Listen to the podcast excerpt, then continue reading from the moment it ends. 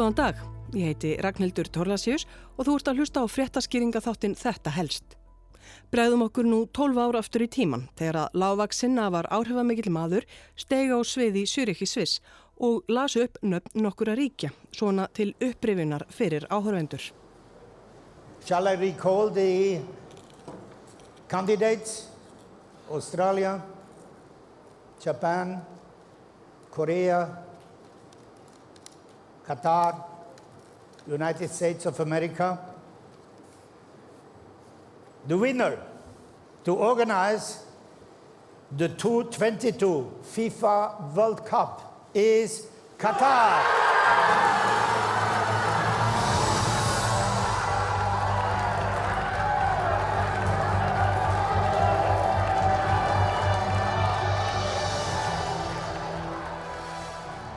Þetta var eins og glöggir hlustendur hafa vafalust áttað sig á Sepp Blatter, þáverandi fórseti FIFA sem kynnti til sögunar hvaða ríki hefði hreft hnossið, heimsmeistaramótið í knatsbyrnu Karla árið 2022. Það var smáríkið Katar við Persaflóa sem vann stórvaldið Bandaríkin og líka Japan, Kóriu og Ástralíu. Niðurstaðan vakti undrun margra en mikinn fögnuð sendinemdar Katar sem stormaði upp á svið. Þar tók næstur til máls þennan annan dag desembermánaðar 2010 Sónur þáverandi emirsins af Katar, einn 24 af barn hans, Sheikh Mohammed bin Hamad bin Khalifa Al-Thani. Og hann var bersinlega í dálitilli geðstræfingu. President Blatter, members of the Executive Committee and FIFA, thank you for believing in change. Thank you for believing in expanding the game. Thank you for giving Qatar a chance. And we will not let you down. You will be proud of us. You will be proud of the Middle East. And I promise you this. Altani ávarpaði Blatter framkvæmda stjórnina og FIFA og þakkaði þeim fyrir að trú á breytingar og gefa Katar tækifæri. Við ætlum ekki að bregðast ykkur, saði Altani, þið verðið stolt af Katar, þið verðið stolt af miðausturlöndum. Ég lofa ykkur þessu. Katar er lítið landað flattarmáli. Það skagar eins og tóta út í persaflóa. Altani fjölskyldan hefur ráðið það ríkjum frá því um 1870. Íbúatnir eru um 3 miljónir en Katarar sjálfur eru aðeins um 600.000 og þeir einir hafa ríkisborgarrétt. Aðrir eru fyrst og fremst útlendingar sem þar vinna og oft við bákjör. Hér verður ekki rakin hörmungarsaga farandverkamanna í Katar. Þeim óhugnaði hafa bæði verið gerð skil í speiklu og heimskviðum. Mörg þúsund erlendir verkamenn hafa látist við uppbygginguna fyrir heimsmeistaramótið. Það er steikjandi hiti í Katar og sumrin þegar að HM fer jafnan fram og færa þurfti keppnina aftur í november og desember til að vernda leikmenn. Árið 2010 voru engir leikvangar í landinu sem dögðu fyrir svona stórmót svo það þurfti að ráðast í mikla uppbyggingu. En það vantar svo sem ekki peningana í Katar. Það veður allt í oljupenningum. En nú hefur meirað að segja gamli fórseti FIFA, Sepp Blatter, viðu kent að það hafi verið mistökað útluta Katar-mótinu. Hann saði að Katar væri of lítið land fyrir heimsmestarmótið en nefndi ekki það sem að trublar flesta aðra meira, sem er staða mannreitinda. Fyrir utan slæma meðferða á erlendu verkafólk eru harða refsingar við kynlífi utan hjónabands og konur eru undir hælinum á körlum. Samkynja hjónabönd eru ólögleg í landinu, viðurlaugin eru sjö ára fangavist. Hins einn fólk verður fyrir aðkasti og mistrymingum, öryggis lögreglan rænir því og stingur í neðanjarðarfangelsi fyrir það eitt að líta út fyrir að vera hins einn. Mannréttindasamtökin Human Rights Watch, mannréttindavaktin, greindu frá því á dögunum að öryggisveitir í Katar, nánar tiltekið forvirkar öryggisveitir Katars, handtækju, lesbíur, homma, tvíkineiða og transfólk eftir eigingja þótta á gödum úti. Líti fólk út fyrir að vera hins eginn. Fólk væri beitt harðræði í haldi stundum vikum og jafnvel mánuðum saman.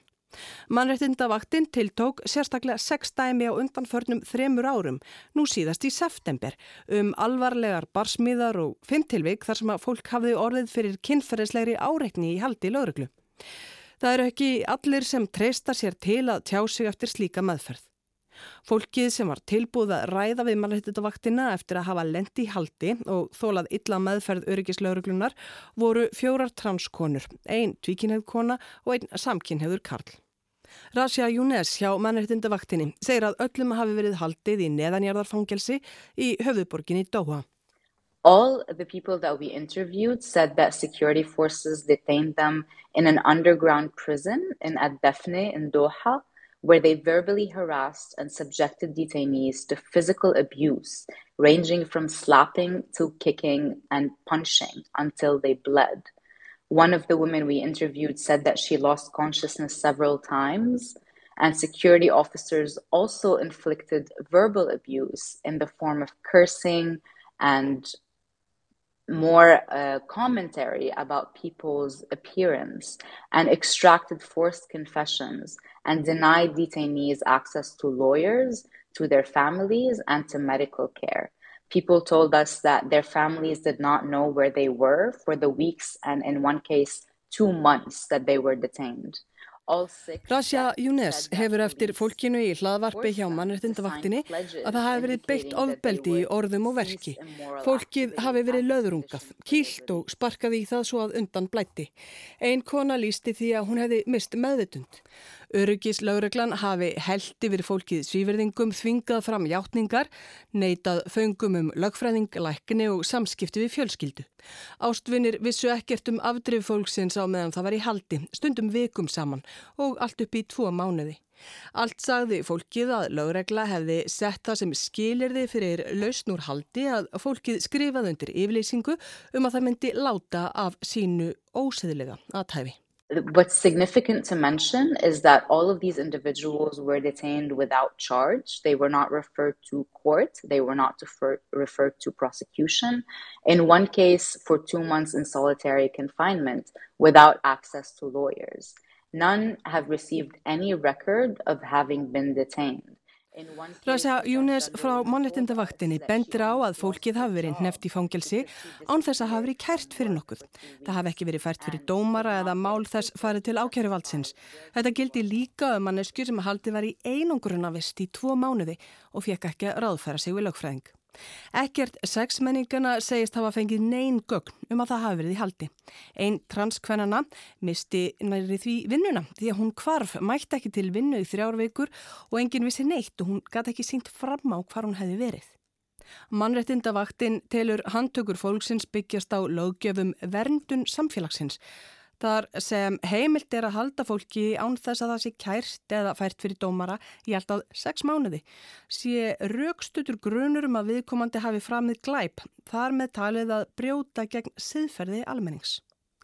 Einn transkvennana sem var tekin og haldið í neðanjarðafangelsinu í Dóha í þrjárveikur sagðist að það sé fjölda annars hins einn fólks þar tvær marakóskar lesbýr, fjóra homma frá Filipsheim og samkynniðan Nepala. Dæmin eru miklu fleiri en þessi sex sem að mannreitindavaktinn tiltekur. Það var bara fólkið sem þorðið að tala, þó naflust væri. Þessi tiltekna kona sagði að lauruglumennir hefðu áriðt sig æofin í æ og henni hefði ekki verið sleft fyrir eftir tíma hjá sálfræðingi sem átt að breyta henni í Karla og ný. Önnur transkona var hefnari þó hún hafi orðið fyrir ógeð feldri og erfiðri reynslu. Öryggislauruglan handtók hann á almannafæri fyrir að nota snirtiförur. Lauruglan let hann að þurka framann úr sér og myndaði hana með útbíðar þurkurnar. Því næst rauguð þeirra af henni hárið. Til að losna úr haldi var hún að skrifundur yflýsingu og myndi ekki nota snirtiförur aftur. Tvíkinneið kona saði mannreitindavaktinni frá því að öryggislauruglan hefði all oft barið hana þar til hún misti meðutund. Þá hefði lauruglumadur bundi fyrir augu hennar, fært hann át í bíl og kert á stað þar sem verið var að mistyrma fólki sem var bundið og gata ekki borið höndi fyrir höfuð sér. Þetta hafi átt að hræða hana til hýðinni. Einn katörsk transkona hvaðast hafa verið handtekinn í tvíganga á almannafæri og í annað skiptið látin hýrast í einangrunn í neðanjarðarfangelsinu í Dóha í tvo mánuði. Í annað skipti hef hún máttu dúsa þar í sex vikur. Hún segir frá því að öryggislaugreglan hafi barið hana daglega og rakað af henni hárið. Hún hafi verið neitt til að fara úr að ofan og myndir teknar af brjóstum hennar. Konan segist þjást af þunglindi eftir einangruna vistina fá margtræðir. Hún sé döðrætt við að vera á almanna færi. Allar voru sögur fólksins af svipuðum meiði. Allt var fólkið handtekið á almannafæri. Í öllum tilvikum hafði öryggislaugreglan farið inn í farsíma fólksins, tekið skjáskot af persónlegum myndum og skilabóðum í símanum, auk þess að taka niður upplýsingar um annað hins einn fólk. Nasser Mohamed, Katari sem komin er út úr skápnum og fluttur er á landi, hafði milligöngum að koma mannrettindavaktin í samband við flest fólkið. Hann segist ekki hafa verið pintaður á meðan hann bjóð í Katar en hann hafi orðið fyrir aðkasti og lifaði stöðugum óta á uppvakstara áronum í heimalandi sínu. Mohamed er læknir og segist vanur erfiðum samtölum. Hann hafi rætt við mun fleira fólk en treysti sér til að tala við mannleitnitavaktina. I have interviewed um, several more victims than the ones that uh, Russia interviewed. And I have seen them on video, I have seen photos. And you know some of their some of the marks on their bodies were bruises and some were keloids. There were more deeper scars reflective of more serious wounds um, from the time that they that they were tortured hann hafi séð myndir og myndbönd, hann hafi séð áverkana stundum marbletti en stundum ör sem hafi bersinilega verið eftir pyntingar. Það hefur verið aðvara erfitt að heyra af áfalla streitu fólksins andlegum eftir kostum fangilsinsvistarinnar. Flestir sem haldið hafi verið lengur en í þrjár vikur hafi glýmt við alvarlega áfallastreitu og verulega erfiðar endurteknar martraðir. Þau hafi upplifað atbyrðina ægjáfin í ægi í huganum. Einn kona glýmir við ofhernir, hún heyrir í sífellu eins og verið sé að hrista hörðuna að fangakleifanum. Það var gert til að rella fangana áður en komað hinn um daglegu mistyrmingum. Læknirinn Nasser Mohamed segir að þetta séu öfgafullar mistyrmingar og pendingar. Öllum hafi verið hótað meira ofbeldi og hemdum og að fjölskyldunar fengju líka að finna fyrir því ef að fólkið segði frá því sem komið hefði fyrir það. Sunnudaginn 20. november hefst HM með leik Karla landsliða Katar og Ekvator í fótbolta. Það er alveg örugt að miljardarægi eftir að horfa á fótballtamótið þrátt fyrir mörg þúsund látna farandverkamenn, kúaðar konur og döðhrætt hins einn fólk. Svo verður sínt frá þessu um allan heim, líka á þessum ríkisfjölmiðli. Það kannast sjálfsagt margir við hugtækið grænþvott um það þegar að fyrirtæki reynir að villa um fyrir fólki um hverjusmálum. Þetta er gert með hugulegri markasetningum, með raungum eða óljósum upplýsingum sem gefa til kynna að fyrirtækið hægir sér með ábyrgum hætti í gagvart um hverjunu þegar það gerir það alls ekki. Svo er til hugtakið bleikþvottur. Það er til dæmis nota þegar ríki eða fyrirtæki notar hins einn mál til þess að vekja aðtegla á sér með jákvæðum hætti og draga aðtegli frá mannleitindabrótum og þá er oft vísað til Ísraelsríkis. Nú er farið að tala um sportswashing, íþróttaþvætti eða sportþvott. Þá er peningum auðsið til að koma glíu fyrir augu okkar til að kaupa sér nýja ímynd. Grípum niður í heimskviðu þátt frá 8. oktober þar sem fjallað varum heimsmeistaramótið í Katar og sportfótinn þar. Orðið sportswashing eða íþróttaþvætti skýtur æg oftar upp kollinum og ás og sannarlega við um heimsmeistaramótið í Katar en þetta huttak hefur verið sífælt meira í umræðinni undanfærin misseri. Já, þetta er hugtak sem er notað um sérst gjörðir eigenda og styrtaraðala í missa íþróttafélaga til að beina aðtikli frá mannreitndabrótum eða ímsu öðru sem illa þólir dagsljósið. Það er svona oft talað um sem allavega gott dæmi sem eitt af þeim fyrstu hafi verið sumarolimpíuleikarnir í Berlín 1936 sem hann bara verið kallaðir Hitlers leikarnir því að þar var öllu tjálta til, gríðarlega flottir leikar en þar voru nazistarnir bara með hálfgjörða skrautsýningu að sína bara úr, úr hverju þeir eru gerðir og, og hvers, hversu flott væri allt í Þýskalandi og, og, og hvað þjóðverjar væri öflugir. Það er hins vegar annað með til dæmis vetraolimpíuleikan í Sochi 2014. Það er bara mjög klárt mál af Vladimir Putin ætlaði sér að vera með áraður og, og eða fullt, fullt af penningum í það að sína hvað rússar væri nú flottir og sama má segja um vetraolimpíuleikan í Peking núna 2022, bara núna á þessu ári að þar var líka mjög klárt að þar það voru að miklu leiti áróðisleikar þó að það hefði kannski ekki sérst eins mikið en, en þarna eru þessar þjóðir svolítið að, að, að sópa undir teppi, mannréttinda brotum eða, eða einhverju þjóðarmorðum eða stríðum eða hvernig sem það er uh, til þess að reyna að kaupa sér uh, svona gott almenningsálit. Og HM í Katar verður gott dæmi með það? Ég held að það sé bara alveg, alveg potjett. Saði Þorkell Gunnar Sigurbjörnsson í samtali við Byrtu Björnsdóttur og áður heyriðist í Bjarnar Pétri Jónssoni, Nasser Mohamed, Ræsja Younes, Sheikh Mohammed bin Hamad bin Khalifa Al-Thani og Sepp Blatter. Ég heiti Ragnhildur Torlasjús og þú varst að hlusta á þetta helst.